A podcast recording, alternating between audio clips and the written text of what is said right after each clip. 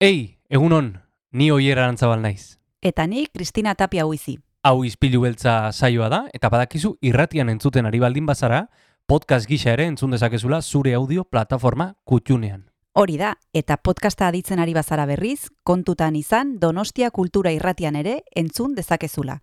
FM eundazazpi puntu lau frekuentzian. Sare sozialetan ere topatuko gaituzu noski, izpilu beltza bilatuta, Instagram, Facebook eta Twitterren. Besterik gabe, guazen gaurko saioarekin. Az gaitezen,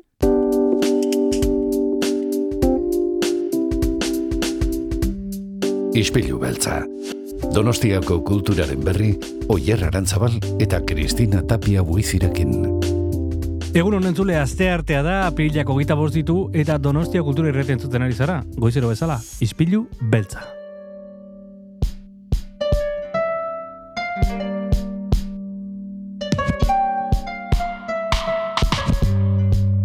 Goizero, goizero, hemen elkartzen garelako aurrez aurrek, Kristina, egun hon. egunon, zer moduz? Primeran, primeran, e, beti bezala mm, kontu eta komeri interesgarriekin, beti bezala donostiako kulturari begiratzeko prest, eta gaur aste artea mm, sinema aipatuko dugu, besteak beste. Bai, kersalako lagunak etorriko zaizkigu, eta gaurkoan ez digute pelikula bat aipatuko, oier, aipatuko digute jaialdi bat. JFF Plus izena du eta Japoniako zinema independientea e, ba, streaming bidez e, botatzen dute, bueno, jartzen dituzte pelikulak e, plataforma baten bidez eta horren inguruan arituko zaigu Janet Diaz. Janet Diaz eh, esan bezala, eta horrez gain deja vu lana zitzein behar dugu, apirilaren hogeita bederatzean, zazpi terdietan mm, gaztezenan eh, ikusiko dugun lana. Bai, jarraian entzungo dugu Manolo Alcantara, esan bezala gaztezenan ikusteko aukera izango dugu bere azken lana, deja vu izenekoa, eta igual hasier errastirekin hasiko gara. Asier erraztiri pasako diogu testigua musika ederrarekin, azteko. Egunon.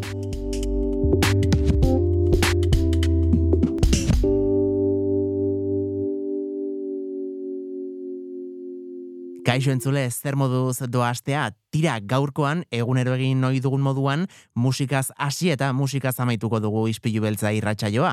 Eta horretarako Merina Gris artista handia izango dugu lagun. Zerua orain bilduma plazaratu zuen 2000 eta hogeita bigarren urtean, hau da, pasaden urtean, eta bertako aurrerapen kantua edo singela izan zen, kantaz gozatzeko aukera izango dugu goizeko ordu hauetan, bueno, goizean, eguerdian edo gauean, e, badagizuelako podcast e, gisa ere entzungai dagoela ispilu beltza. Ba, guzti hau esan da, guazen e, Merina Grisen saiatzen naiz kantuaz gozatzera. Egunon.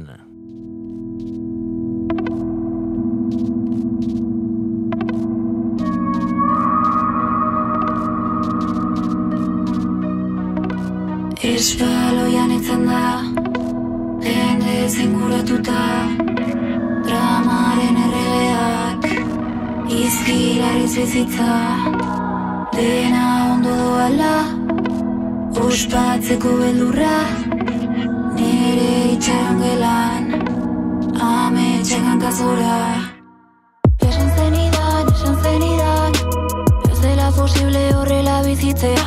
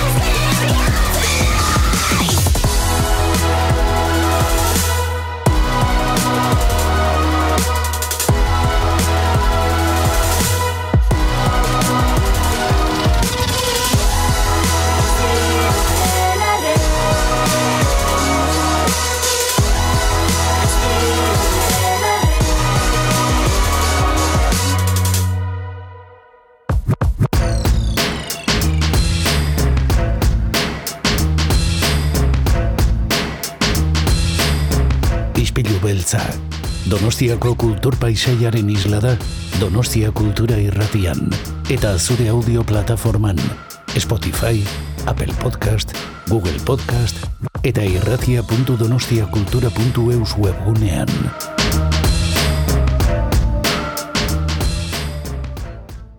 Deja vu izena du aste hontan e, ikusi ahal izango den lanak. E, zan dezagun, e, gaztezenan e, disfrutatu izango duen lana dela antzerkia eta zirkoaren arteko nahasketa bat. Mm, Bai, Manolok esaten du, Manolo Alkantarrak esaten du dela zirko garaikidea, eta berari galdetu diogu zer den zehazki Hmm. hori, eta nik uste dut e, jarraian e, entzungo diogula, eta berok, berak esplikatuko duela gu baino beto. Hmm, espektakuloa azken batean. Manolo Alkantara, izpilu beltzean.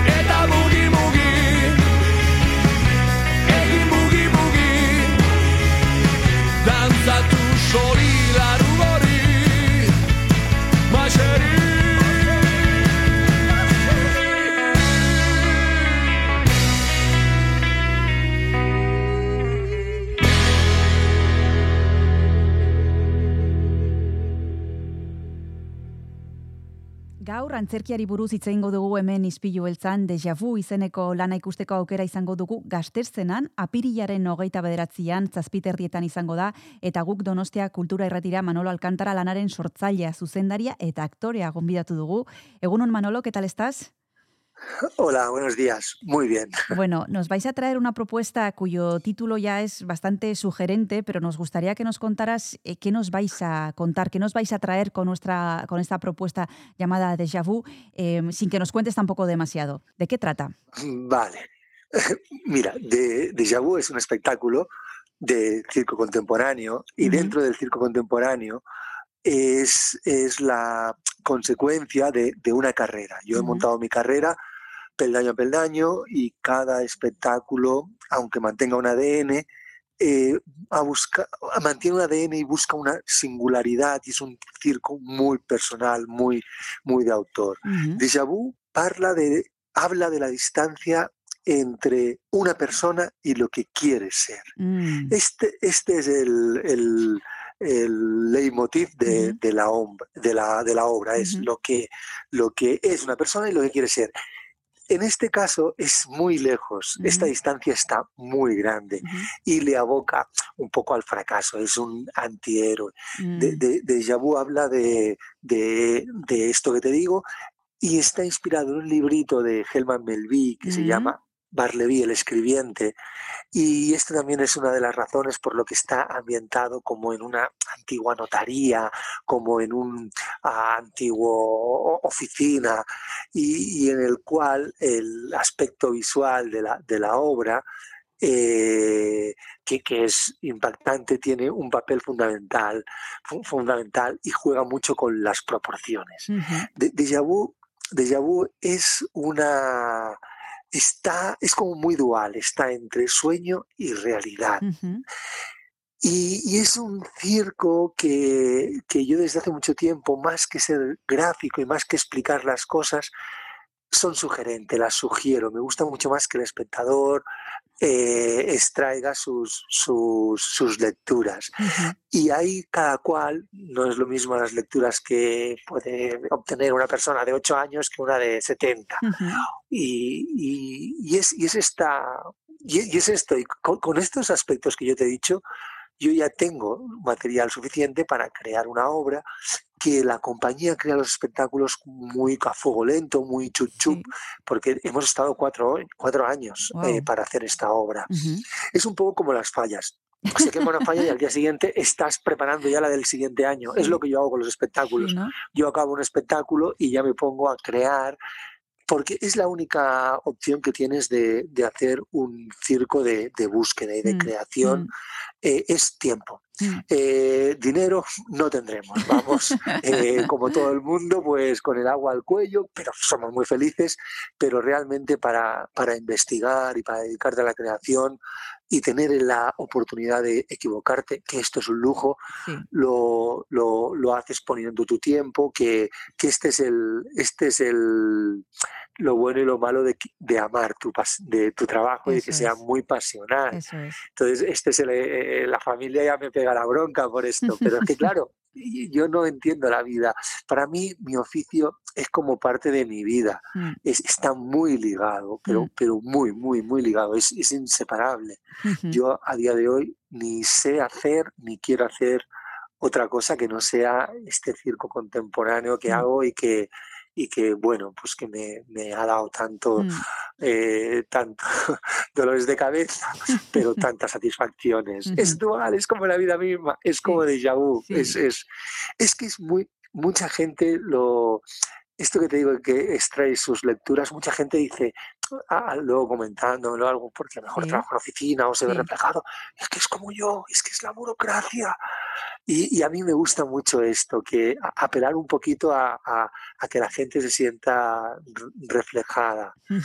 Bueno, decías, eh, Manolo, que en parte esta propuesta viene de- del libro El escribiente de Melville, cuya frase maravillosa es preferiría no hacerlo, ¿no?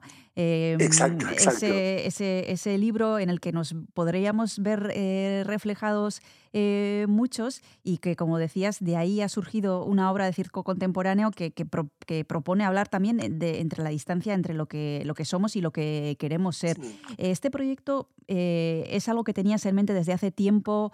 eh, ¿Ha sido la lectura de este libro lo que te impulsó a llevarlo a cabo? ¿Cómo, cómo ha sido el proceso de trabajo?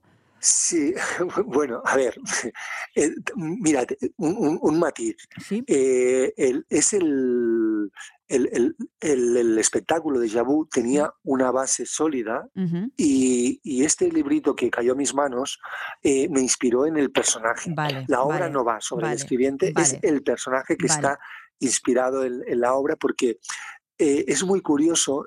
por- a mí me entran muchas ideas en la cabeza, eh, a la misma velocidad muchas se descartan, pero siempre hay algunas que quedan dentro de la cabeza y también hay algunas que perduran y que cuando ya no te dejan dormir es cuando dices, ah, esto lo quiero hacer yo. Yo también tengo que ser muy selectivo Mm. porque no, no es como si pintas un cuadro que a lo mejor lo puedes pintar en un mes. Yo estoy Mm. cuatro años con un proyecto, por lo tanto tengo que ser muy selectivo y estar muy seguro. Pero sí que es cierto que aunque tengas que estar muy seguro de tu obra, pues vas tomando, es como muy, mm, vas tomando unos derroteros en los que no siempre son línea Mm, recta. mm. Y es muy curioso que este espectáculo, en sus inicios, que tenía una base muy sólida, eh, cam- ca- cambió y se fue a, a- a- a otro. Te explico. En principio quería poner eh, movimiento a las fotografías de un fotógrafo, un autor que me gusta mucho, se llama Chema Amados, que trabaja con los Sí, objetos sí, sí. pero construyendo una, construyendo una escenografía para albergar todos sus objetos, salió esta estantería. Y saliendo Ujú. esta estantería, cogió tanta... Es que Deja Vu trabaja la desproporción de las medidas. Eh, sombreros gigantes, eh, títeres que son mi alter ego, que es como un poco el hombre menguante. Por eso decía que era muy entre sueño y realidad. Es muy fantasioso. Ujú. Deja Vu es muy onírico. Y, y- y la estantería, que es una estantería enorme, que tiene un juego propio como si fuera un actor más, eh, eh, cobró tanta vida que, que es como una pelota de nieve, va creciendo, pero en verdad no coge la dirección que tú quieres, sino la que ella coge. Y es lo que pasó con la creación. Se cruzó este librito, se cruzó, y la idea inicial se quedó estancada para dar paso a, a este juego de, de sueño y realidad que yo quise eh, eh, enlazar con mm, lo que somos y lo que queremos ser. Y que esta distancia, cuanto más cerca esté de nosotros mismos, posiblemente seas más feliz. Y cuanto más lejos estés, pues posiblemente lo tengas, se- se- te frustre más en la vida o te dé más, infel- infelicidad. Ay, qué difícil es hacer pero- pequeña pero- esa distancia, ¿eh? Eh, sí, sí, hay, hay que reducirla, por supuesto, por supuesto. Tenemos que ser muy coherentes con nosotros y, y, bueno, yo creo que, que- que- es una, que es una facilidad y además que muchas veces nos lo ponemos nosotros ya tan difícil nosotros mismos que, Mm. que no hace falta, Mm. que, que a veces es más fácil de lo que, de lo que, de, de lo que nos proponemos. mm. Si al final el tiempo más disfrutado es el tiempo con gente querida y haciendo lo que nos gusta. Eso Mm. es como un lujo que es el que hay que perseguir. Eso es. Pero bueno, esto es muy personal mío. Habrá gente que a lo mejor, yo qué sé, pues tendrá unos objetivos en la vida que quiera luchar por ellos, por mucho que le cuesten. Pero esto es un precio, por todo pagas un precio. Mm. Yo también pago mi precio, aunque lo haga con mucho placer, también pago mi precio, evidentemente. Si te parece, Manolo, vamos a seguir ahora mismo hablando de déjà vu, pero nos vamos a tomar antes un descanso y continuamos ahora mismo. Por supuesto.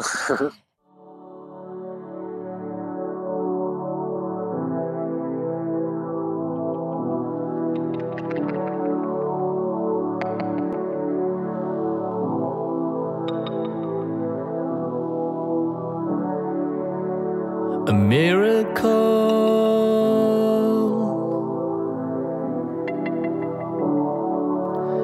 It's a miracle we need. I still recall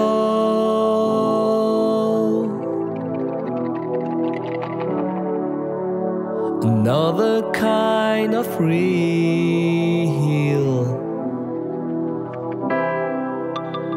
Let it come closer. Knock on the door.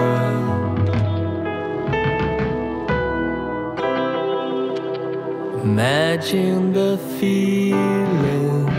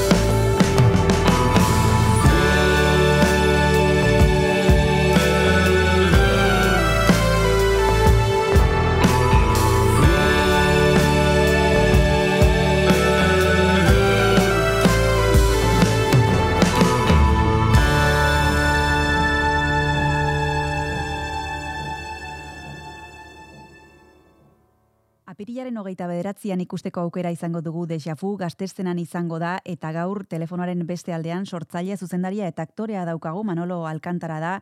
Justo estábamos hablando de esta propuesta que nos propone hablar de esa distancia entre lo que somos y lo que queremos ser, que esperemos que sea lo más pequeña posible, pero a veces es difícil, nos resulta complicado. Eh, antes has hablado de un concepto, eh, Manolo, me gustaría que nos lo aclararas por si hay alguien al otro lado que no lo tiene muy claro, y es que hablas de circo contemporáneo. ¿Qué quiere decir esto exactamente? Mm, Circo contemporáneo es una buena pregunta porque, porque se, se ha, se ha escrito mucho, se habla mucho, se dice mucho. Eh, el circo contemporáneo nace, nace en el momento en el que deja de ser familiar, en el que nacen las escuelas. Ujú. Las primeras escuelas que hubo de circo ya fueron en Rusia hace mucho tiempo, ¿no? No te sabría decir, pero no estamos hablando de 20, 30 años, estamos Ujú. hablando de hace más tiempo, 50 o 60 años.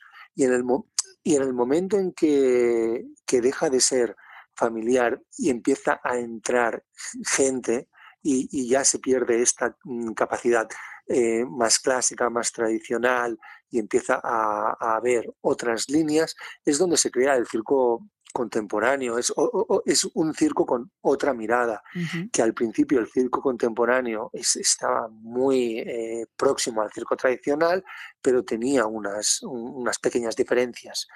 A partir de ahí, esas pequeñas diferencias empezaron a, a crecer hasta tal punto que llegó a haber un momento, a lo mejor hace 15, 20 años, donde en el propio sector mm, los de circo mm, tradicional mantenían que no era circo, en fin, mm, y, y- y- y todavía hay mucha gente que lo considera así. El caso es que este circo contemporáneo eh, está ensanchando tanto sus fronteras que incluso hay gente ya que se que, mm, que haciendo un circo contemporáneo más al uso, por decirlo de alguna manera, o, o- o encasillado en unos patrones de circo contemporáneo, pues están en- ensanchando tantos estas fronteras en el que ya incluso ellos te dicen, pero tú ya no haces circo. A mí hay proyectos que ya me dicen, pero esto no es circo. Entonces, es, es que es el precio que pagas por querer ensanchar fronteras y por querer buscar límites, pero ya no es límites no tan solo del más difícil todavía, sino límites en la creación, en el cual no, no ha- había proyectos en el que, vale, yo creo que son difíciles de encasillar o son muy eclécticos y tienen otras eh, y están apoyados y tienen o- o- otras técnicas, pero, pero también ser- son circo, dejar que los creadores digamos lo, lo que hacemos, ¿no? Por muy diferente que sea a, a lo estipulado. Mm. Y ya te digo, estipulado incluso en el circo con- contemporáneo. Mm. Por tanto, hay como... Es que en la música está muy bien entendido, o en la Mm. danza. Oye, soy bailarín, ¿qué tipo de, de baile haces? ¿Qué tipo de danza, de, de música tocas? O sea, es que cabemos todos, es que no hay, no hay que elegir. Mm. Se puede tener las, las, las dos cosas, las tres cosas. Entonces llega un momento que hay un circo eh, tradicional, hay un circo eh, contemporáneo y ahora hay un circo que ya diríamos que es difícil de ca- más conceptual, eh, que, que ya empieza a tener un circo mm, con, de autor, un circo. Entonces está, está eh, el, el hecho de que haya mucha gente haciendo circo en, en- este país, que cuando yo empecé éramos cuatro gatos, pues hace que la gente tenga estas ganas de, de hacer cosas diferentes. La curiosidad es un motor inmenso y es lo que te lleva a, a crear particularidades que, que luego el público, como también somos tan grande y nos gustan tantas cosas diferentes, porque cada uno tiene un mundo, pues, eh, pues no, no puede ser otra cosa que riqueza que haya diferencias. Pero en el circo contemporáneo, eh, evidentemente ya, pues hoy en día ya incluso mucha gente que, que todavía piensa en un circo más tradicional, porque es lo que tiene en la cabeza, ya sabe, ya ha visto circo contemporáneo, ya lo puede, eh, ya, ya diferencia entre un, un circo más tradicional, Mm. un circo contemporáneo, y ahí estamos los creadores para incluso ahora darle un- una vuelta de tuerca y seguir haciendo otros circos que, bueno, pues eso, a- a- agrandando la, Mm. la- la variedad y llevando la frontera pues, pues, a- a- pues más arriba. ¿A dónde os permite llegar este circo contemporáneo, este circo de autor? Como decías, eh, os permite ensan- ensanchar fronteras y eh, mostraros, mm, bueno, eh, mostrarnos cosas diferentes y al público hasta dónde nos podéis llevar con, con este tipo de propuestas. Supongo que también a lugares diferentes, ¿no? Mm, intenta llevar, como todo espectáculo, a mover algo dentro de la persona, Mm. a tocar sentimientos. Lo, lo- lo que pasa es que lo hace con, con otras, eh, con otros, otras herramientas, pero el, el hecho de querer eh, tocar un sentimiento en la persona y de vapulearte un poco y de, eh, y de que tú afloren emociones y sentimientos, esto es lo que tiene que hacer el arte, ya sea desde, desde el circo más clásico que vayas a ver hasta el circo más, más conceptual que vayas a ver. Tú tienes que salir de, la, de ver una obra y tienes que salir contento por habértelo pasado bien y si encima te han meneado un poco, a Mm. mí eso me encanta, Mm, mm. entendiendo que el entretenimiento sin más también, también, eh, también cabe, ¿no? No es que no haya que hacerlo, todo cabe, ¿no? Es como he dicho antes, no, no hay que elegir, o sea, cabe, caben las dos cosas, es complementario.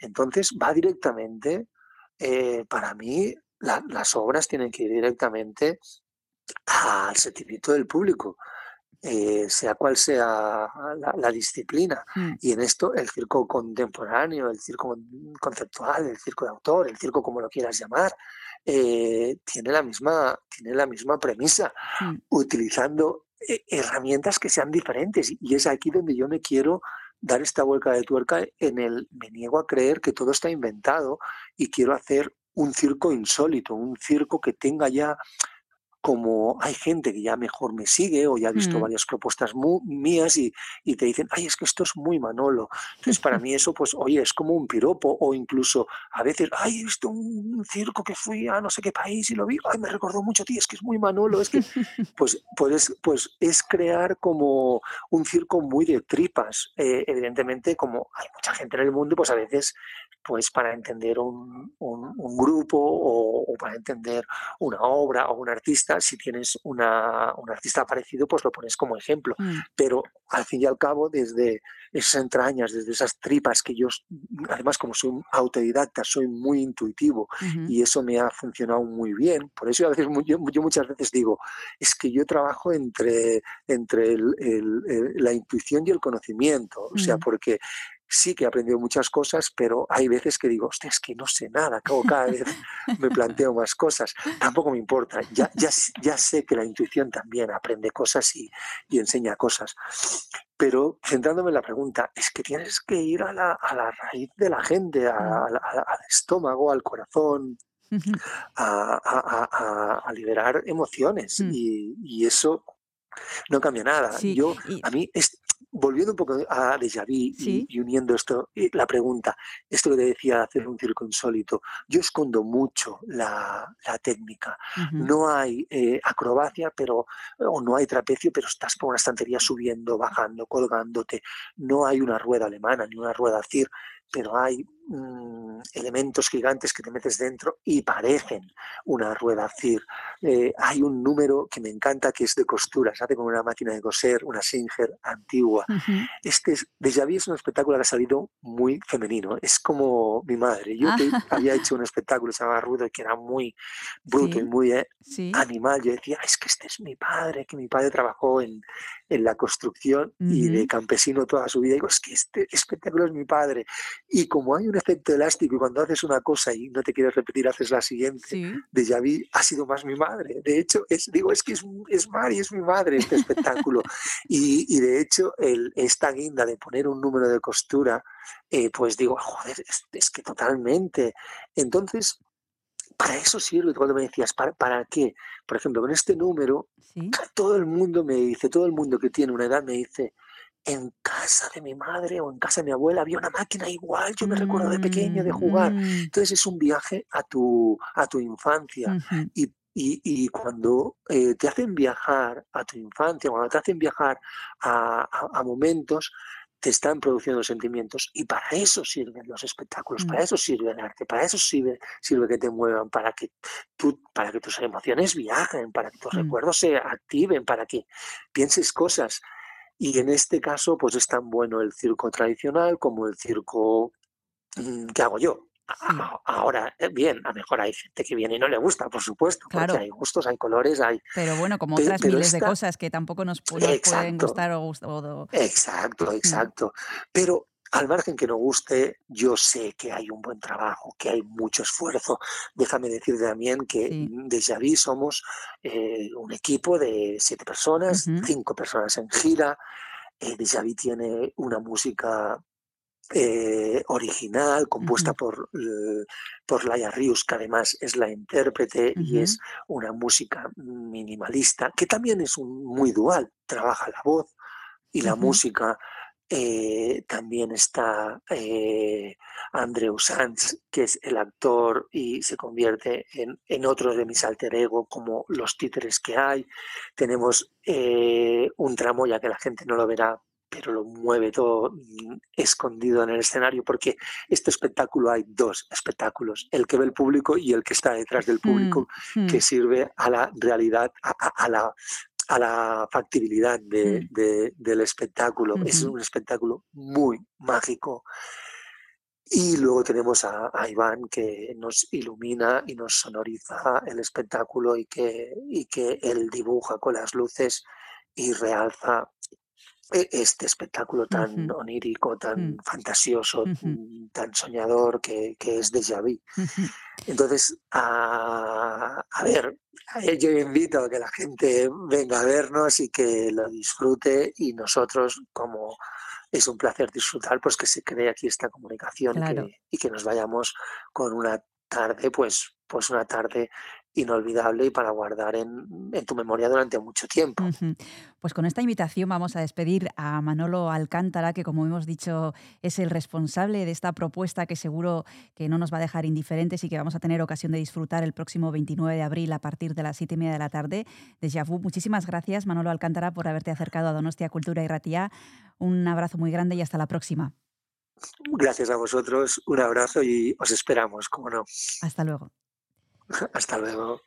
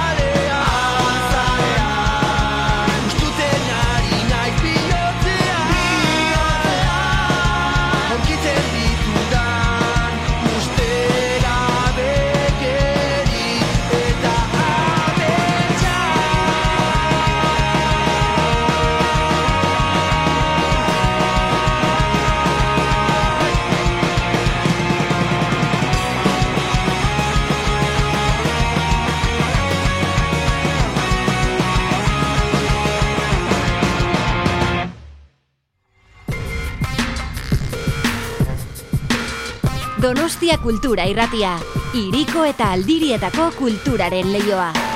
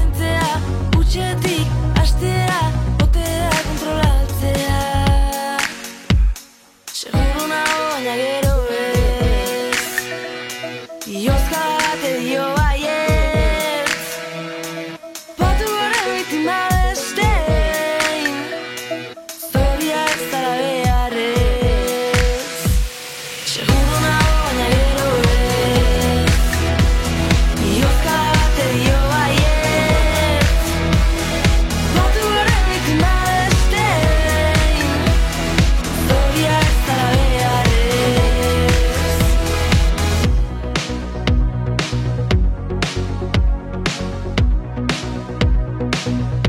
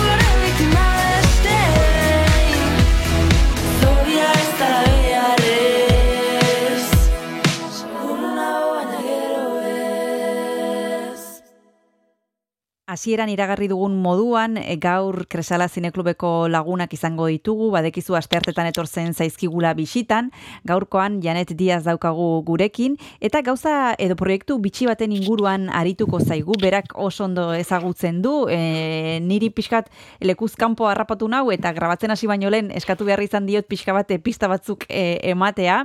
Bueno, beraiek dira adituak e, zineman eta horretarako horregatik gombiatzen ditugu. Egunon Janet, zer modu zaude? Egunon, Cristina, oso ondo. bueno, gaur esan bezala, e, gauza oso bitxi baten inguruan, edo niretzat behintzat e, gauza oso bitxi baten inguruan arituko gara. E, proiektuak izena du JFF Plus, eta bueno, kontatu iguzu zer den, hau, ze, zeri buruz arituko zara gaur, Janet? Ba, JFF Plus, eh, Independent Cinema da, eh, jaial, bueno, zinema txikitxo bat, Mhm. eh, eh, online edo streaming bidez egiten dena, Niko orain dela bi urte, erola gutxi gora bera urkitu nun e, webunea eta hasi nintzen hor pixka saltzeatzen, eta netzeko oso interesgarria da, ze amabi pelikula ipintzen dituzte e, ba, bueno, ikuslek ikusteko, Mhm. denak dia version original e, gaztelania eta ingleseko subtituluekin, Mhm. Eta denak dia, e, ba, Japoniako bizimuruari buruzkoak, ero, bueno, mintza bere kulturaen ingurukoak, eta denak daude, ba, esan dakoa ez, online, ba, Japoniatik kanpo dauden pertsonek, ba, ikusteko aukera emanez. Eta nola sortu zen jaialdi hau? Streaming bidez ikusiko ditugu pelikulak, baina noiz sortu zen zein helbururekin?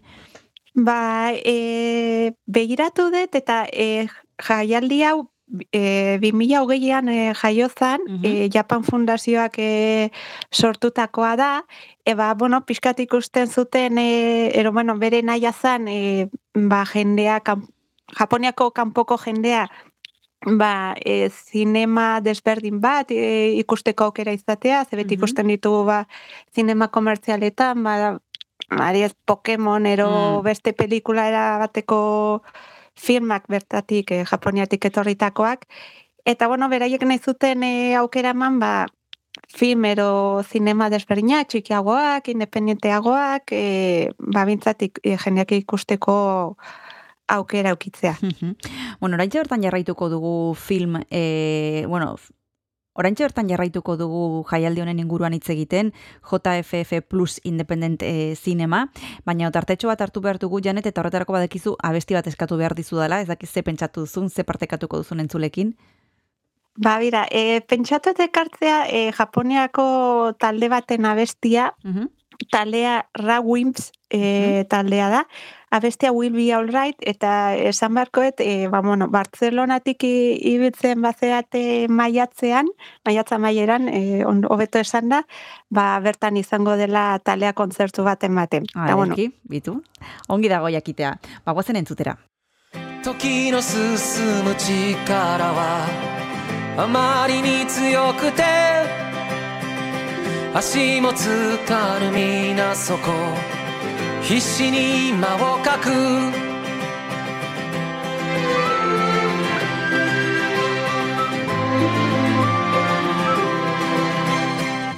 あがけど未来は空っぽでいつも人生は費用対効果散々で採算度外視毎日。僕はただ流れる空に横たわり。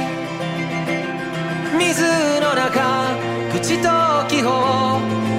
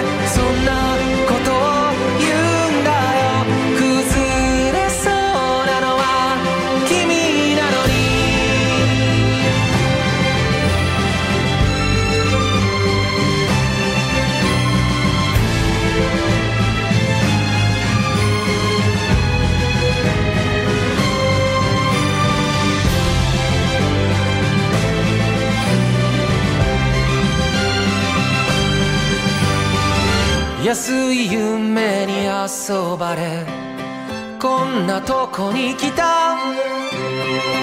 この命の無目的さに腹を立てるけど君が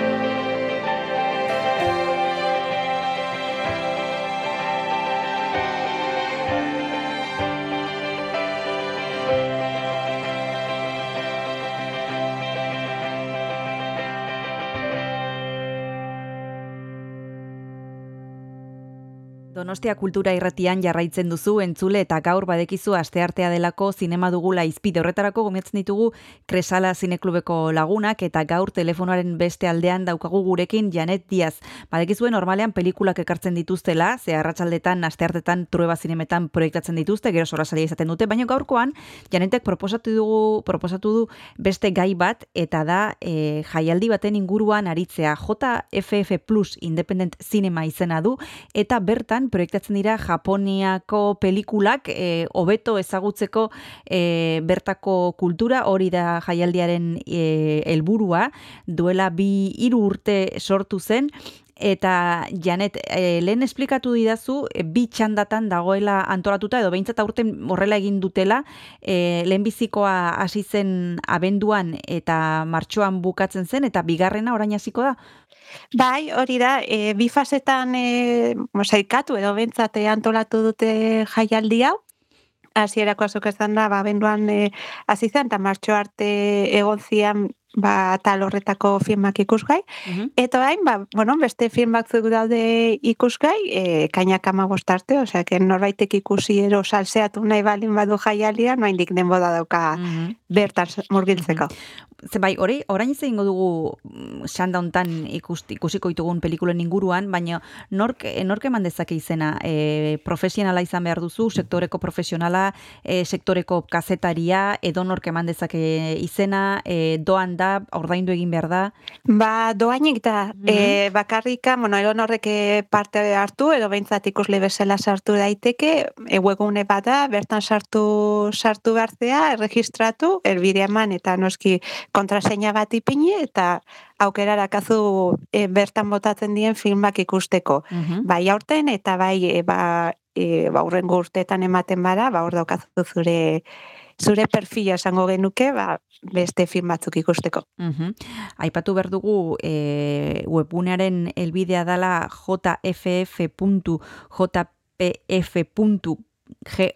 jff.jpf.go.jp nahiko zaila da, baina bueno, Googleen jarri ezkero e, JFF Plus Independent Cinema oso azkarra ateratzen da eta hor daukazue aukera izena emateko Janetek azaldu duen bezala. Aurtengo txanda hontan, ekainean bukatuko den txanda hontan, e, Janet ze pelikula ikusteko aukera izango dugu? Ba, pixka deneterik da, e, jartzen dituzte filmak, ba, daukazu, ba, filmak dokumentalak e, laburren bate bai egonda horreko atalean, eta adibidez, e, oainko atalean, eroengo denboran, e, ba, ikusi ezakegu xiber e, dokumentala, adibidez, e, ba, Japonian badago tal, e, musika talde bat kodo deitzen dana, e, esado Irlan e, kokatuak daude, ero bentsatango han oso ezagunak dienak, eta bueno, e, jartzen bat ez dute kodo YouTubeen, ikusiko ez dute e, nolako musikariak dian, ze ez dakit Kristina ikusi ezun film batean, ero dokumentale baten alako danbor giganteak dituztela Mm, ah, bai, bai. Japonian. Uste dut baietz, uste dut baietz, orain esaten duzula.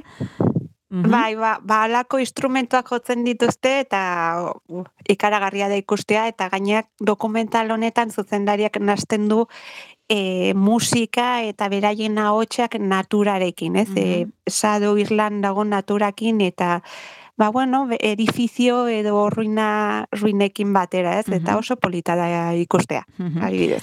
Hori izango litzateke dokumental bat, e, kasu hontan e, ekainan bukatuko den txanda hontan proiektatuko dutena. Beste zerbait, e, hola itxura ona daukana edo zuri behintzat atentzia deintu dizuna? Ba, adibidez, e, niri atentzioa deitu zian beste bat, filma da, kasu honetan e, fikzioa da, on the age of their seat, Mhm. e, jojo hideo den e, e, filma, Eta oso kuriosoa da, zer da e, gazte batzuk, ba, joten dia bere institutuak e, dakan e, beisbol uste dela, ez softball, lako Mhm. e, partira, partira batea ikustea, ikusleak ez du partida ikusten, baizik eta e, zuzendariak zentratzen da, ba, e, dia, uste diela bos, lau ero bos lagun, eta beti dago kamera beraien, beraien gainean, beraiek Ah. daude garraran, eta bueno, hor dabiltza denbora pasa e, partida ikusten, baina baita ere, bueno, jungo dia hainbat gauza konpontzen beraien artean, erlazioak, e, erlazio berriak sortzen hasiko dia, Mhm. eta oso interesgarria da nola hor mantentzen du kamera, baina zuri ez, e, Karo, partida ez duzu ikusten, baina note txirria, gaztelaniaz Mhm, esaten bai, dena, ez, bai, ez bai. ikustea partida. Eta netzako oso interesgarria da film haue bai. Mhm. Bueno, ba, esan bezala aukera daukagu izena emateko eta pelikula bitxi batzuk ikusteko aukera izango dugu ekainaren amabost arte gutxi gora bera, e, lehenbiziko txanda ja bukatu zen orain martxoan eta bigarrena hasiko da JFF Plus Independent Cinema da Janetek ekarri duen e, proposamena. E, Janet, e, gero pentsatzen dut olakoak ere egongo direla, ez? E, ez da izango hau bakarra. E, esatezu zinemaldi... Zinemaldi streaming bidez ikusteko e, aukera ematen duten zinemaldiak, pentsatzen dute egongo direla beste batzuk, eta hau e, pixkanaka pixkanaka edatzen ari dela, ez? nik espero de bai, eh, nik espero de zinemali hau ba, pa pizkanaka eh, pizkanaka hunditzen jotea eta bueno, aukera pa film gehiago ukitzea bere programazioan, egia oraintxe bertan ba, e, programatzen dutenak e, zinemali hau dia Japonian dauren e, zine independente txikitxo batzuk mm -hmm. eta oraingoan zazpi bakarriria, espero mm -hmm. de, ba, ba, bueno, denborarekin ba, e, Japan Fundazioak lortzea ba, ba, olako zinema gehiago ba, animatzea eta, bueno, pa, ba, ba bintzat, e, eh, programazioa litzea. Ba, bigarren abesti bat eskatu behar dizut, Janet, e, lehen e, Japoniako talde bat proposatu duzu, eta oraingoan ez dakit e, ze pentsatu duzun. Ba, bira, e, ez nuak Japoniatik urrun, Japonian jarraituko dut, ze e, karrireten abestia da e, lehen komentatu dugun e, filmaren e, banda soinua, mm -hmm. eta taldea da tepegiz, mm -hmm. eta aberon esaten duran izenburua, hau sugiro sora. Osondo esan duzu. ba, guazen entzutera.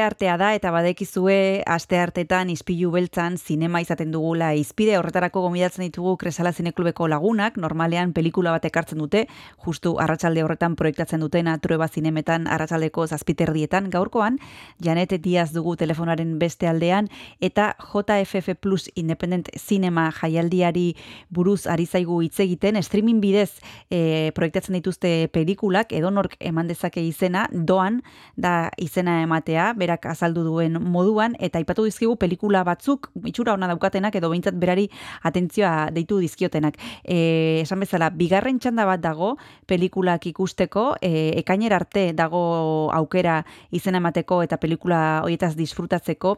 Lehen aipatu duzu, Janet, e, proiektu hau sortu zela, edo sortu dela, e, zazpi e, zinema elkartu egin direlako. E, peliku, hemen ikusteko, hemen ikusiko ditugun pelikulak ez ditugu ikusiko beste inon, hau da oso zaila da pelikula hoiek heltzea ba, zinema areto komertzialetara, e, adibidez e, donostiako zinemaldira, eta horrelako lekuetara, hemen ez baditugu ikusten ez ditugu ikusiko gero? Nik esperoret eh, aukera hori izatea, ez? E, ba, e, ba, jaialdi honetatik kanpo ba, pixkan mugitzea pelikula hauek, egia da e, ba, di, e, urte askotako filmak diela, bat, bat da 2006koa, beste bat da 2008koa, os, ez dia oso resientek, ez? Ah, ez dira berri berriak. Hori da. Ja. Eta ez dia oso komertzialak, e, baina bueno, nik eh, esperantza daka, eta ber norbaitek eh, entzuten digun, eta murgitzen dan hor eh, webunean, jaialearen webunean, eta esate du, ba, mira, ekarriko dugu hau ikusteko. Mm. Esplikatu duzu, pelikula guztiek dituztela azpitutuluak gaztelaniaz eta ingelesez, edo bietako batean? E, biek daukete aukera bai bata ero bestea. Aha. Bai, batzuk uste bitan dituztela, osea, bai gaztelanez eta inglesez ikusteko aukera dute, baina ni- nik uste baten bat e, badagola bata ero bestean e, ikusteko, baina bueno, Mhm, mhm. e, behintzat e, jendeak ulertzeko ondo dabe. Mhm. E, aditua izan behar zara, Janet, e, olako jaialdi batean izena emateko, e, konkretuki hau e, Japoniari buruzkoa da, bertako pelikulak jartzen dituzte, eta nik ez dakit publiko orokorraren ere aukera bat izan, izan alden, edo izan behar zara adit, bueno, aditua, edo behin- behintzat pixka bat kontrolatu, eta jakinaren gainean egon, eta ez dakite, bueno, ba, ezagutzaren bat e, komeni da izate aldez aurretik edo edo zeinentzat den. Ez, nik uste denontzako egin duten jaialdia da, e, bai aurten, bai igual e, fikzio eta dokumental gehiago dago, baina Mhm. aurreko urteetan adibidez e, animazio bai egon zan, e, Mhm. gaztentzako nik ustete bai e, filme, film batzuk egon zian, e, nik uste guztiontzako e, programazioa dago. Osea, Mhm. que nahirunak e, aurrea sartu eta disfrutatu. bueno, ba, gomendio honekin uzten zaituztegu, badekizue JFF Plus Independent Cinema izena duela Janet Diazek ekarri duen proposamena, etxean ikusteko pelikulak e, Japoniatik e, etortzen zaizkiguna kasu hontan e, doan, e, eman dezakezu izena entzule, badakizu bigarren txanda bat dagoela, ekainean bukatuko dela, eta ea, igual zuek ere proiektatuko duzue hemendik ateratako pelikularen bat, e, Trueba zinemetan, ikusiko dugu. Dena den, hau, esan bezala, etxean ikusteko da, norberak bere mm, telebistan, bere ordenagailuan, bere tabletean, baina, esan behar dizuegu, e, Kresala Zine Klubak gogoratu behar dugu proiektzioak e, dituela arratsaldero, bueno, aste artero e, trueba zinemetan, eta hor ere badirela gauza oso interesgarriak, gero sola saldia dago, bueno, e, hau bai, baino bestea ere bai, eh, Janet? Bai, bai, bai, gor gaude aste arte dor trueban, eta bai, nahi dunak enguratzea bertara. Hori da, ba, eskerrik asko, Janet, e, plazerra, gaurko deskubrimendua, eta horrengo arte bezarkada bat. Berdin, Cristina, besarkara. Quan el silenci de la nit s'apodera dels meus somnis, suportat a l'infinit. Quan la foscor entra al meu llit i tot jo sóc un neguit. Em perseguir-te pel meu desig és tancar els ulls i notar-te al meu davant. Vull parar el temps per tornar a començar. Ja fa tants anys que vas marxar i et sé present a cada instant.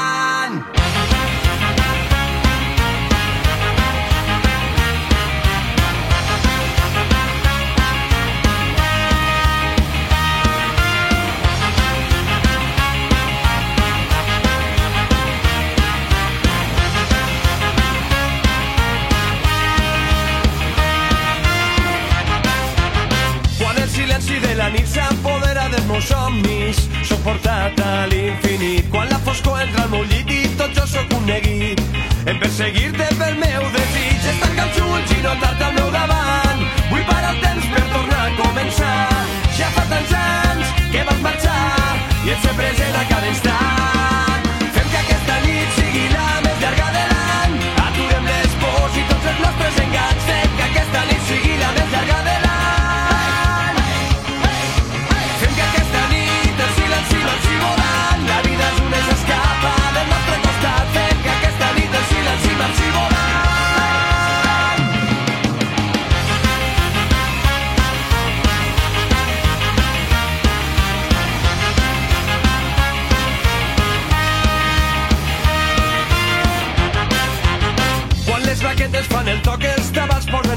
Esclatant l'olor del foc. Quan les rialles van creixent, ens deixen portar més lliures, posa en pausa aquest moment. És tancar els ulls i notar-te al meu davant. Aquesta festa està a punt d'arrencar. Tanquen les llums, alcem les mans i el primer cor ens fa saltar.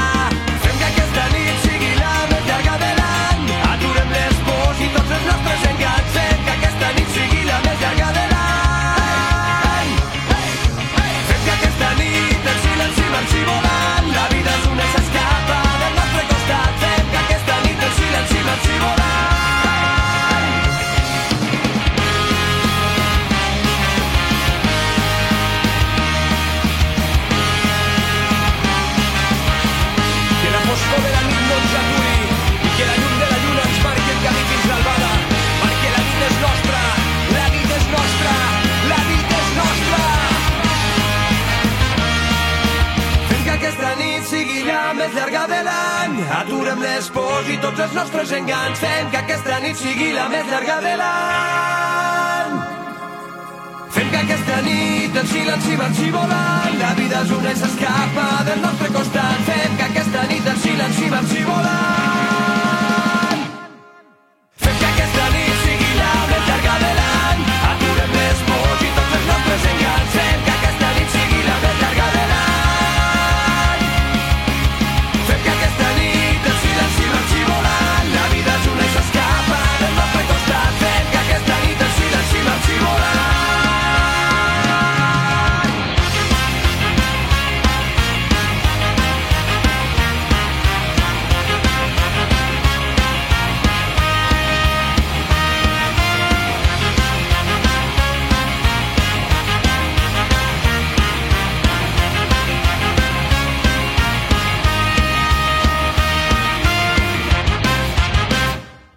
Amaitu dugu astearteko saioa, amaitu dugu aprilaren hogeita bostau, eta horrelaxe, biharko egunari begira jarriko gara, bihar aste azkena delako, eta berriz itzuliko garelako uinotara, Kristina, gauza gehiagorekin.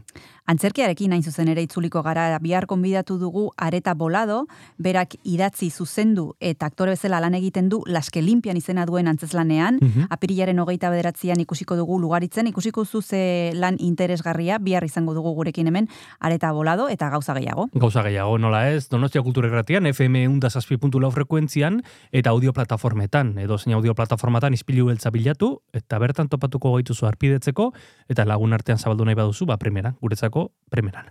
Besterik ez, bihar arte. Behar arte.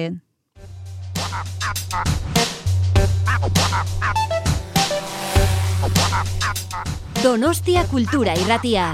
Zabaldu gurekin Donostialdeko kulturaren leioa.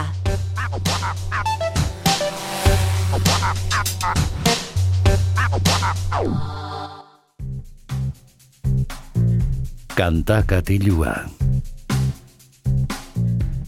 Kaixo entzule, ongi etorri kantakatilua atalera, badakizue Kristina eta Oier agurtu ditugun arren, ispilu beltzak oraindik aurrera jarraituko duela tarte batez, eta tarte honetan hain zuzen musikari emango diegula protagonismoa. Eta gaurkoan e, musika asko usatzeko e, ez gara Euskal Herritik mugitu behar izango. Izan ere, Ipar Euskal Herrikoak dira Xiberrutz e, taldeko kideak, eta 2000 eta garren urtean plazaratutako lehenengo albumaz gozatzeko tartea hartuko dugu datozen minutuetan, maule muffin izena duena. Horretaz gain, onki gina izena duen eh, beste album bat ere kaleratua dute 2008 garren urtean, baina guk esan bezala, bueno, ba, asierara joko dugu, eta 2008 garren urtean eh, plazaratutako ura errepasatzeko tartea hartuko dugu. Rigi elektroniko eta sound system eh, generoetan emugitzen dira xiberutarrak e, bueno, ba, gustora, eta bueno, aipatzeko aipatzekoa nola herriko kantuak, herriko doinuak, ba, beraien estilo propiora, ez? Beraien zigiluz, e, bueno, ba, sortzen dituztela, eta kasu honetan, e, aipatu dugun diskauntako, maule muffin e, bildumako lehenengo kantua hain zuzen, ba, horietako bat da, kantu herrikoi bat, agur siberua hain zuzen, baina ikusiko duzu, eh? Erabat e, bertsio desberdin batean. E, guztira, amar kantu, e, guazen banan-banan hauetaz gozatzera, eta bueltan entzungo gara elkar.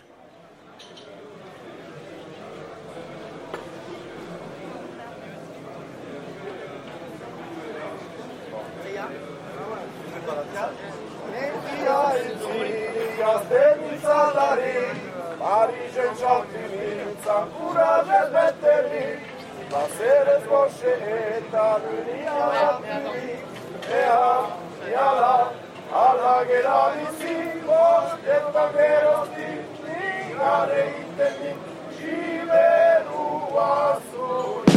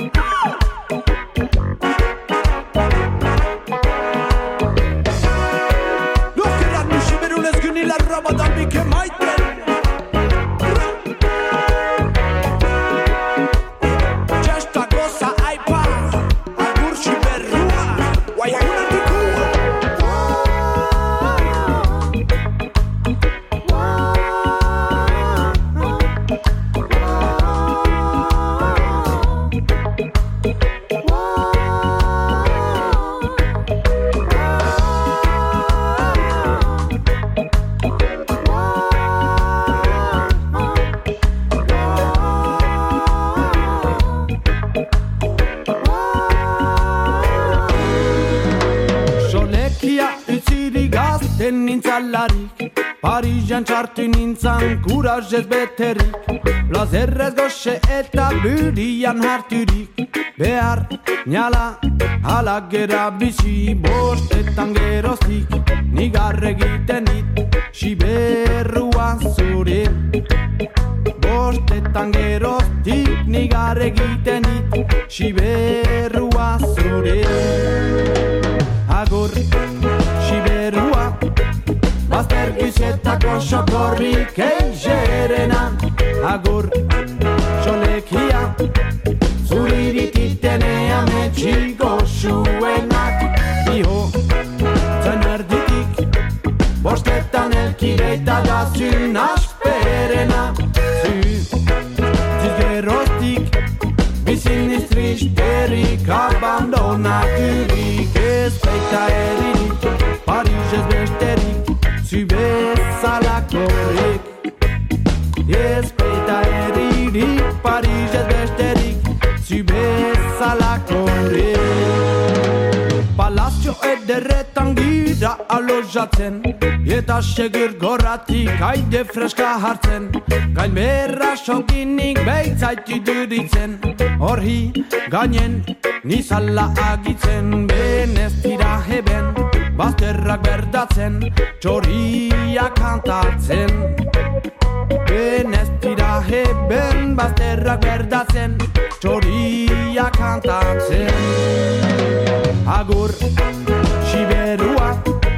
Bazter gizetako sokorrik eigerena Agur, solekia Zurirititenea metxiko zuenak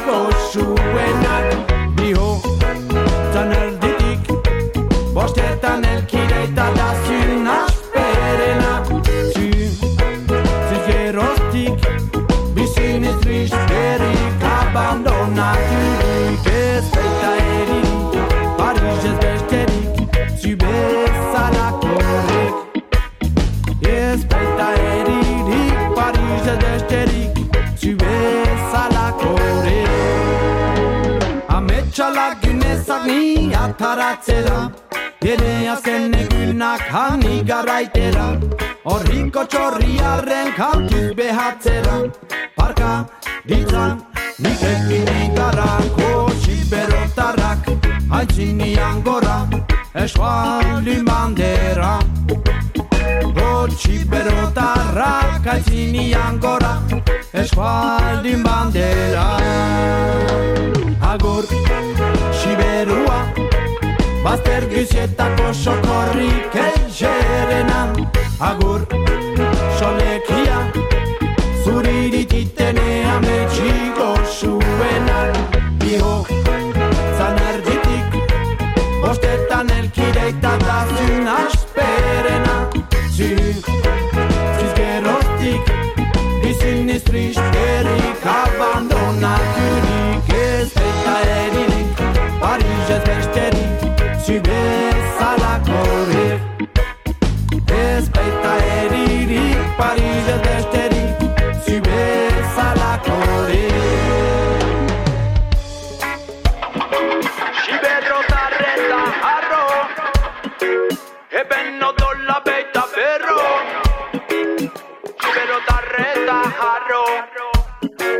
Why I?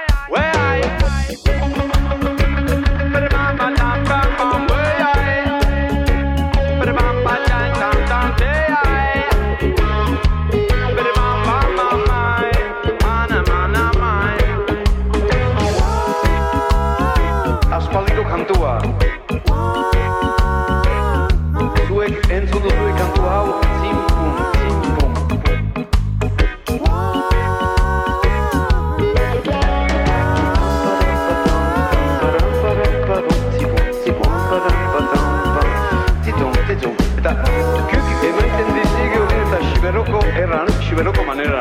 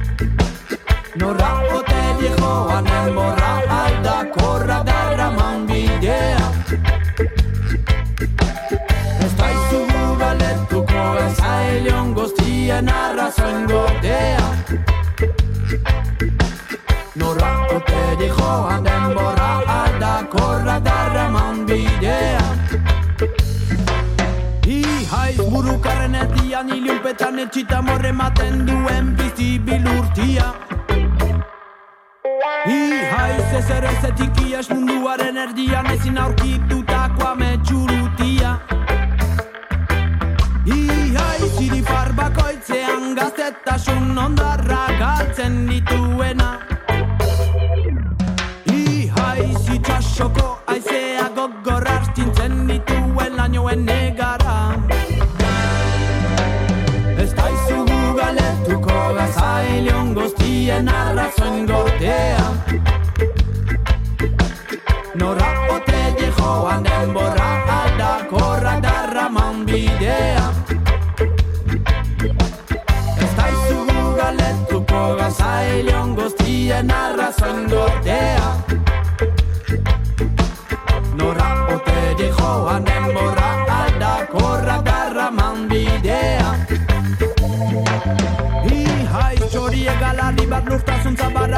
Ipen ez zonturik da dukagatea. Ihaiz beste asko bezala neguk eguzkitan otzak hiltzen dagoen gizon bakartia. Ihaiz kostorik gabe gelitzen harri den hartaskale gorra Ihaiz pasio zar guztiak iskali nahi dituen bihotzi eskorra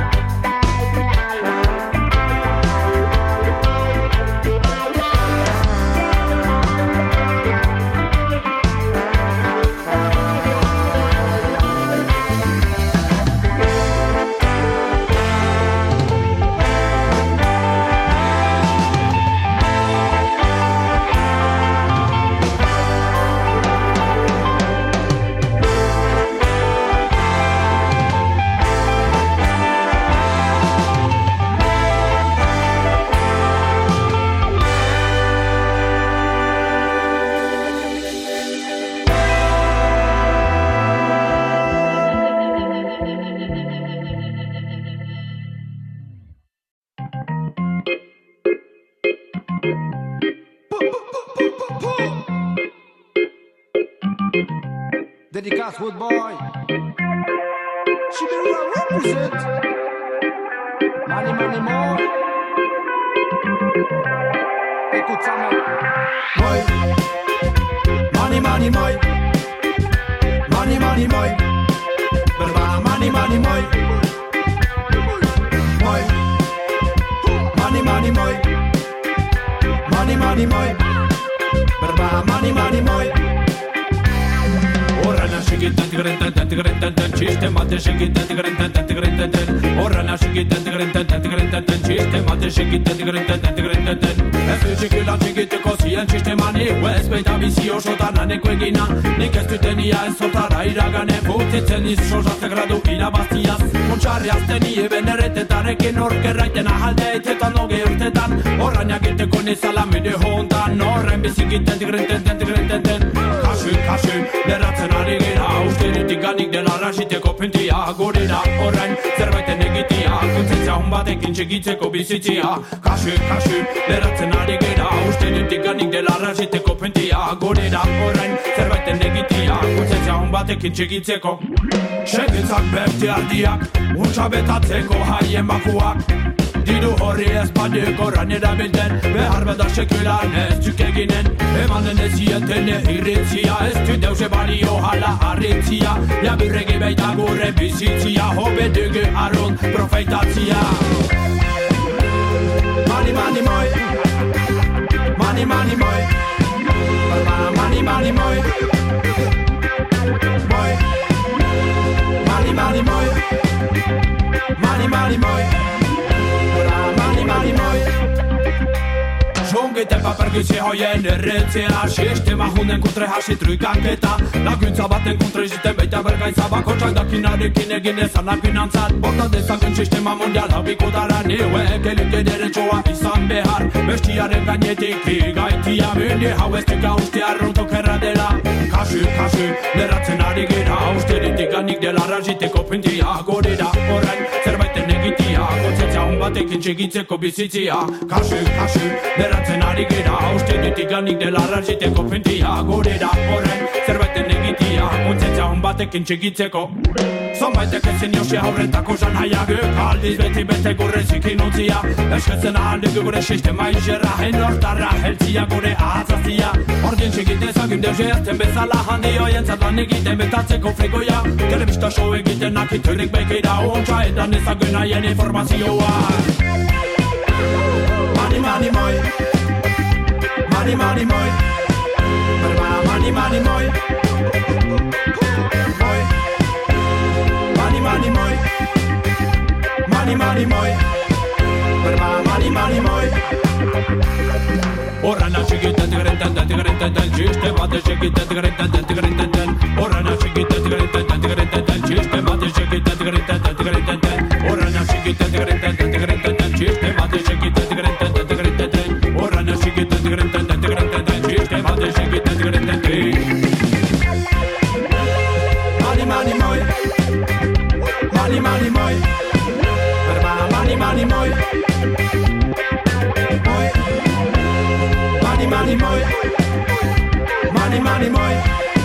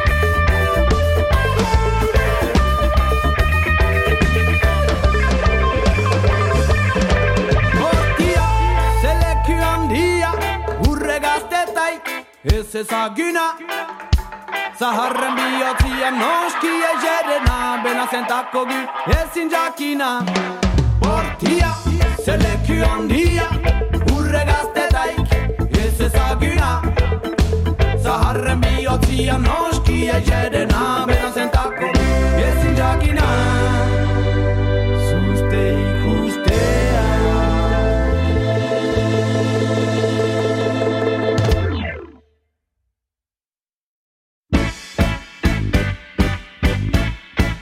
Atora tore txera Kalera, kalera, borrokalari, kalera, kalera, kalera, borrokalari, kalera. Ire indararen beharra diago, gore indararekin batera.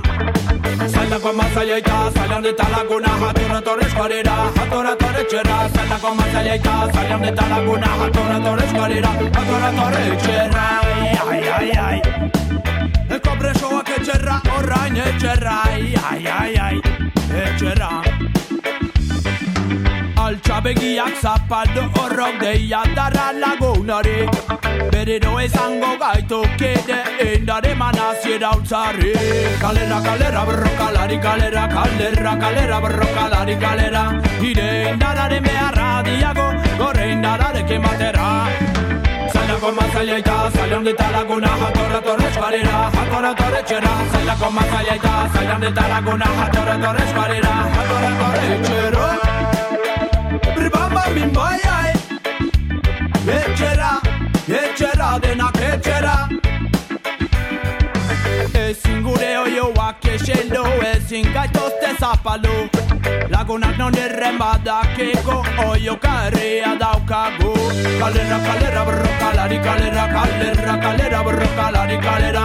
Nire indararen beharra diago Gore indararekin batera Zailako mazaila eta zailan eta laguna Jatorra torre eskuarera, jatorra torre txera Zailako mazaila eta zailan eta laguna Jatorra torre eskuarera, jatorra torre txera Birbamba min bai ai Etxera, etxera denak etxera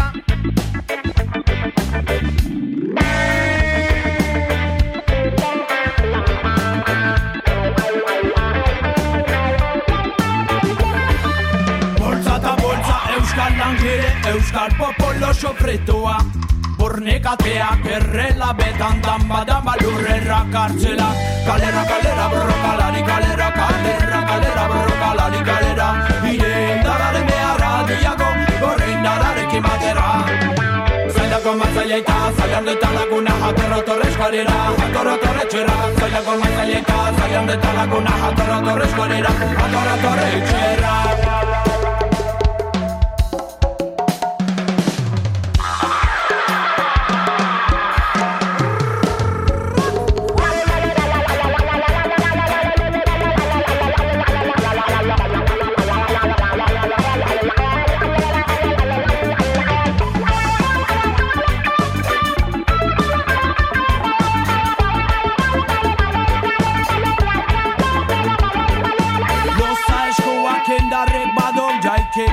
garraia da.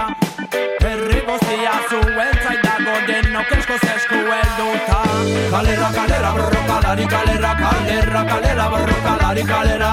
Ire indararen beharra diago, gorre indararekin batera Zailako mazaileita, zailan eta laguna Jatorra torre eskualira, jatorra torre txera. Zailako mazaileita, zailan eta laguna Jatorra torre eskualira, jatorra torre txera. Zailako mazaileita, zailan eta laguna Jatorra torre eskualira, jatorra torre txera. Zailako mazaileita, zailan eta laguna Jatorra torre eskualira, jatorra torre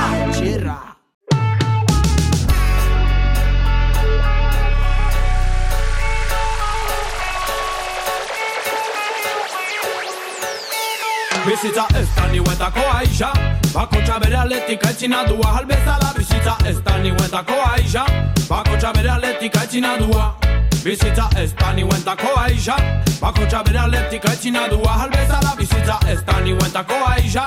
Bakotxa bere aletik aitzina dua Totzia bai egerra, pena gero zer. Hide bidia, hiriduk ikustia Minuta baten, txigeran ez galtzia. Pentsatzen tikan haite honen egitia Egin zumaitek benberi hunak Beste zumaitek benberi txarrak. Hor gireno, ezin gibeltxuan Haintzinatu behar mende txarrontan. Haintzinatu behar mende txarrontan. Haintzinatu behar Bizitza ez da niuetako aixa. Bakotxa bere aletik aitzina dua Halbezala bizitza ez da niuetako aixa. Bakotxa bere aletik aitzina dua Bizitza ez da niuetako aixa. Bakotxa bere aletik aitzina dua Halbezala bizitza ez da niuetako aixa. Bakotxa bere aletik aitzina dua. Ikuste dut bai, den bezala Bizitze hau hartu behar dela. Duginaz postuz, aprofeitatuz Behar respeta beti uste dugin bezala. Txauste gurekin beste egitea. Zien arazoak urtokitzea Sekula nahatz pasaje juntan Ius zatia eta partekatzia. Ius zatia eta partekatzia. Ius zatia eta Bizitza ez da niuetako aixa. Bakotxa bere aletik aitzina dua Halbezala bizitza ez da niuetako aixa. Bakotxa bere aletik aitzina dua Bizitza ez da niuetako aixa Bakotxa bere aletik aitzina dua Halbezala bizitza ez da niuetako aixa Bakotxa bere aletik aitzina dua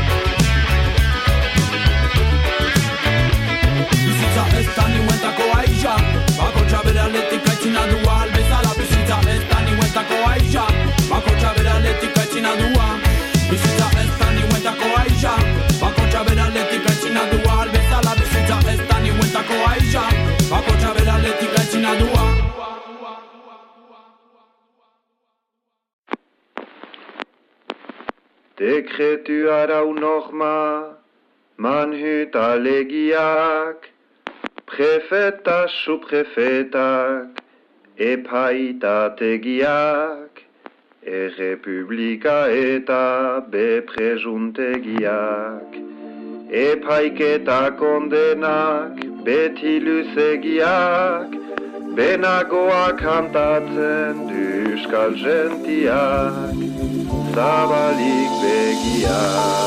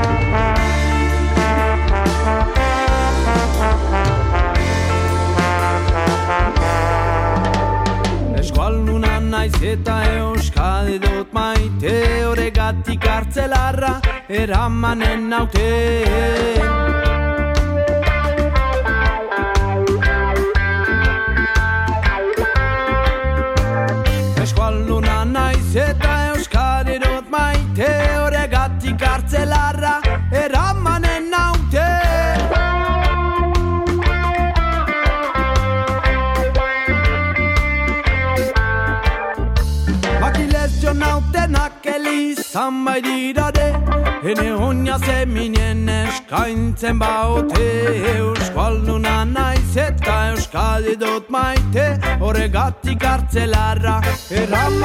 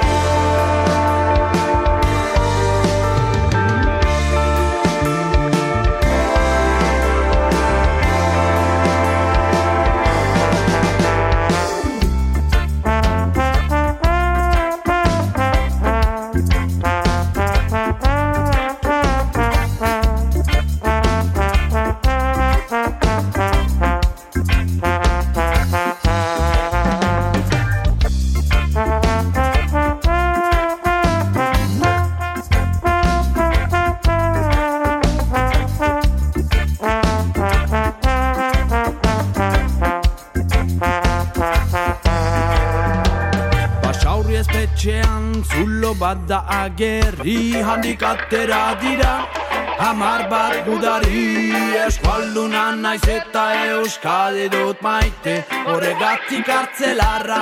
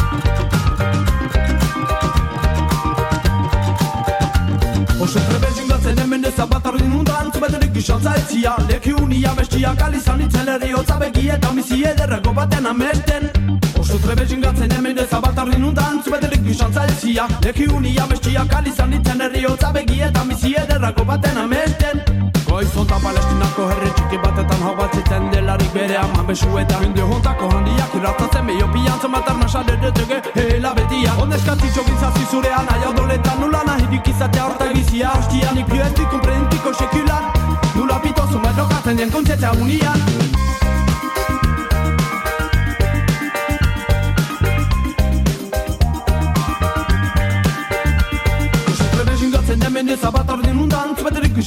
izan zaitzia Leki unia bestiak alizan itzen eriotza begi eta mizi ederako baten amesten. Nuklearra kimika haita dezagun taktika erabazi behar baitik egorrek erla politika. Tosaltzen dea tamar biluka arma uneko treban ezatak kide rebeltza Eskatila txiki hau alzi bere xokuan Ogi puskani bat txokiten oso izan ahia. Bere jan bakara izanen da arte juntan Uneko du baten guztia ez dutxe sekulan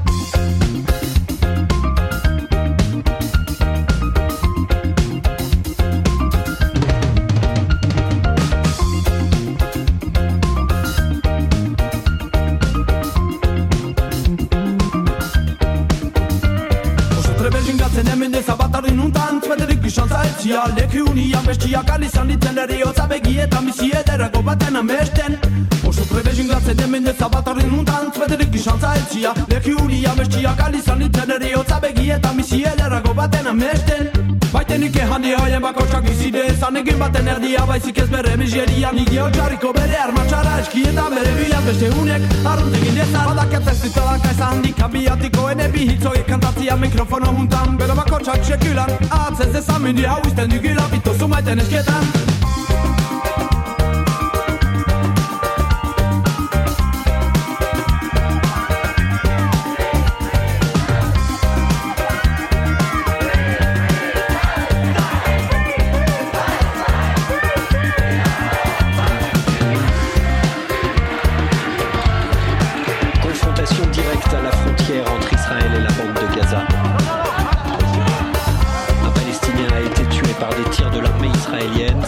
premier mort depuis l'entrée en vigueur du cessez-le-feu mercredi.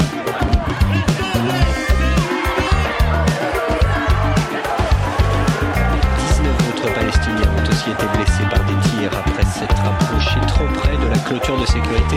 L'armée israélienne a arrêté ce vendredi matin 28 Palestiniens qui s'ajoutent aux 55 autres déjà arrêtés jeudi. L'un de nos activistes a pu filmer le début et la fin de cet incident.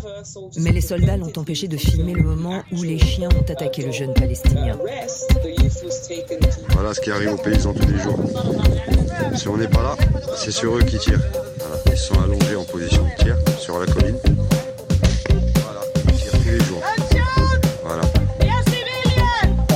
Bilan de cette opération 2100 Palestiniens tués, 10 000 blessés et 55 soldats israéliens tués.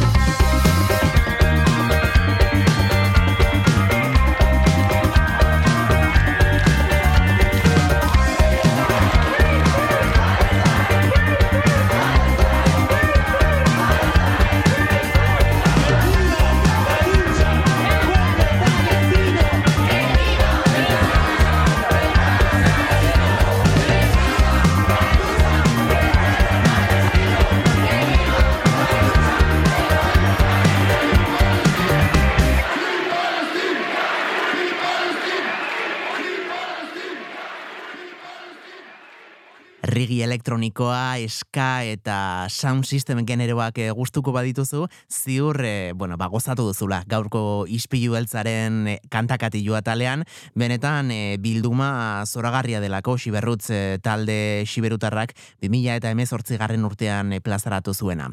Eta tira, mm, aipatu dugu lehen, amar eh, kantuz osatutako bilduma dela entzun duguna, eh, oraindik azkeneko bate falta zaigu entzuteke, azken kantu bat, Euskal Vibration Vibration izena duena, eta kantu honekin esango dizuegu agur. E, badakizue bihar aste azkena izanik, gu hemen goizeko zortziretan, Donostia kulturako uinetan izango garela. Eunda zazpi puntu lau FM-an, Donostia eta Donostia inguruetan, eta tira, ba, goizeko zortziretan lanean baldin bazaude, edo ezin baduzu gure irratxa joa entzun, lasai podcast gisa ere, e, igotzen dugula, eh? Hau, bueno, ba, plataforma ezberdinetara, azteko donostiakultura.eusatarira, eta baita ere, e, zure podcast, e, bueno, ba, aplikazio gustukoenera, e, Spotify, Apple Podcast, Google Podcast, iBox, Pocket Cast, nahi duzun guztietan bilatu, den denetan aurkituko gaituzu eta.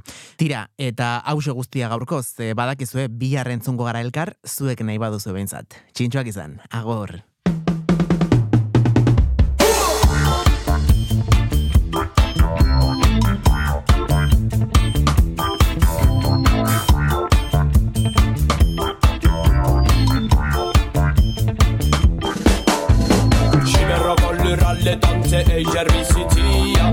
Guretzat ez baitza hobeik bortuk gaide hartzia Ebe megirra handitu, ezin luzaz partitu. Beharre oskaseko alde unian txortu